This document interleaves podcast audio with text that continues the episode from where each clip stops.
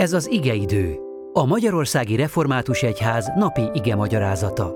A mai bibliai ige szakaszról Pocsai Miklóst, az Albert falva Kelenvölgyi Református Gyülekezet lelkipásztorát hallják.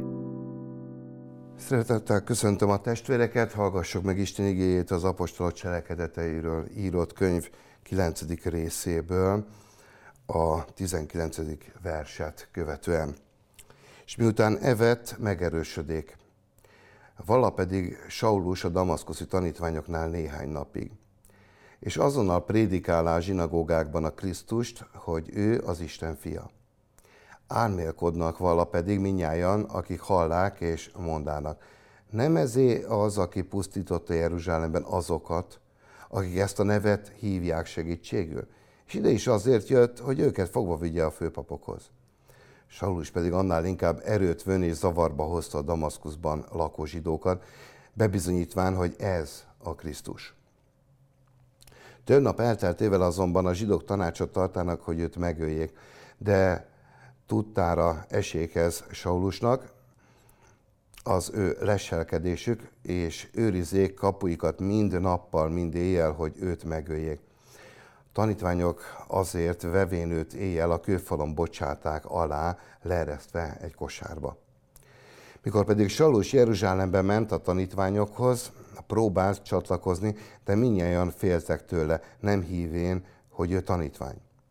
Barnabás azonban maga mellé vevén őt, vivi az apostolokhoz, és elbeszéli nekik, mint látta az úton az urat, és hogy beszélt vele, és mint tanított Damaszkuszban nagy bátorsággal a Jézus nevében.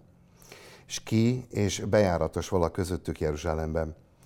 És nagy bátorsággal tanítván az Úr Jézusnak nevében beszél, sőt vetekedik vala a görög zsidókkal, azok pedig igyekeznek vala őt megölni.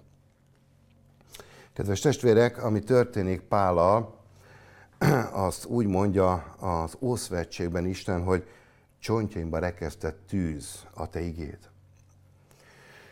Pál nem csak megmarad egy egyszerű hívő embernek, akivel nagyon csodálatos dolgot cselekedett, Jézus megállította, az ellenséges álmok futásában is megfordította, és hát megkapta az üdvösséget, és ezzel minden rendben van, hanem, hanem Pál, Pálnak mondania kell az evangéliumot. Mint ahogy később fogalmazza is, hogy jaj nékem, ha nem hirdetem az evangéliumot.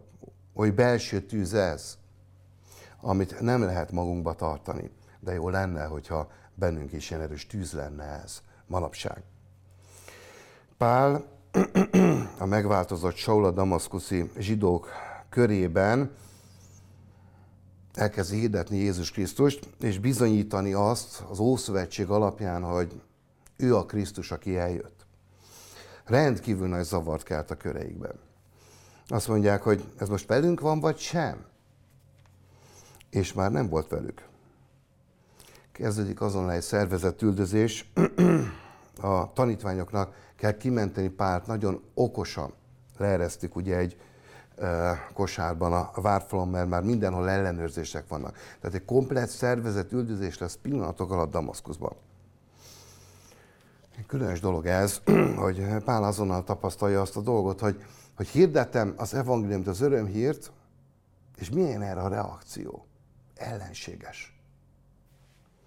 Igen, most tanítja Pált Isten. A történet, a vele megtörténő dolgok, azok szolgálnak most pedagógiául. Pál Jeruzsálembe megy, és itt is falakba ütközik, a tanítványok félnek tőle, félnek, mert ismerték, nagyon jól tudták, hogy kicsoda Saul, és még nem annyira tudják, és nem annyira hiszik el, hogy ebből a Saulból Pál lett a damaszkuszi úton. Barnabás azonban mellé áll, és így kibejárhat majd a testvéri közösségbe. Beviszi őt, bizonyságot tesz mellette. Pált tanítja most Krisztus a történések által milyen szenvedni azért, hogy Krisztust követi. Mi a valósága annak, hogy ára van a Krisztus követésének, az evangélium hirdetésének, és az árat meg kell fizetni. Hogy nem mentesülünk a nehézségek, a fájdalmak, sokszor a nagy csapások alól. Pál tűri, és nem keseredik el, nem mondja azt, hogy ott hagyom ezt az egész, ez egy sikertelen történet.